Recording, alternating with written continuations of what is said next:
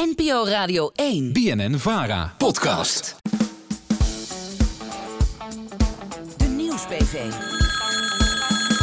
De vraag Aan Den Haag. Het is dinsdag, dus tijd voor een nieuwe vraag van een luisteraar. Hoe blijven kleine fracties bij met het werk en blijven ze op de hoogte van alles? Want hoe groter de fractie, hoe meer Kamerleden je hebt om het werk te verdelen. Hoe doen die kleine fracties dat? Voor het antwoord op de vraag ga ik naar het Kamerlid dat bijna geen enkel debat lijkt over te slaan. Ik ga naar Caroline van der Plas van de Boer-Burgerbeweging. Mevrouw van der Plas, eh, sommige fracties zijn met 20 of 30 eh, mensen in de Tweede Kamer. U zit met eh, BBB in uw eentje. Ja. Ehm, hoe volgt u dan alles wat er in Politiek Den Haag gebeurt? Ehm, ja, dat is een kwestie van eh, goede keuzes maken eigenlijk. Ehm, ook met medewerkers. Ik heb ervoor gekozen om inhoudelijke beleidsmedewerkers aan te nemen. Dus geen ballast zoals persvoorlichters en spindokters... en allerlei rare communicatiemensen die allemaal dingen doen die je eigenlijk helemaal niet wil. Dus ik wil echt op de inhoud. Dus ik heb eh, vijf beleidsmedewerkers die dus alle dossiers eh, onder zich hebben. En zo kunnen we alles volgen. En vijf beleidsmedewerkers, als u kijkt naar andere partijen, dat is op zich dan nog niet zoveel, toch? Ehm, het is in die zin voor één partij best veel. Maar omdat ik dus niet allemaal andere mensen aanneem... Dus heel veel kosten moet maken aan allemaal nou, ballast, zoals ik dat noem... eh, kan ik er relatief wat meer eh, aannemen. Ik heb ook nog twee mensen op de fractieondersteuning... maar die doen dan zeg maar, het secretariaat, mails afhandelen, afspraken maken, noem maar op.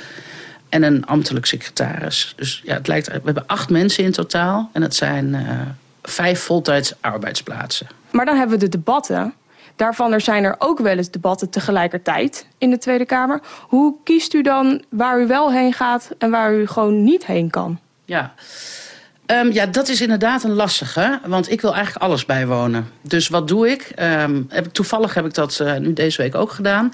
Ik kijk naar alle commissies. Dat zijn er eh, minimaal 15 in totaal. Welke debatten zijn er de komende week? Die zet ik allemaal in mijn agenda. Dan ga ik in mijn agenda kijken wat is er tegelijkertijd en wat heeft dan prioriteit voor mij. En dat verschilt eigenlijk per keer.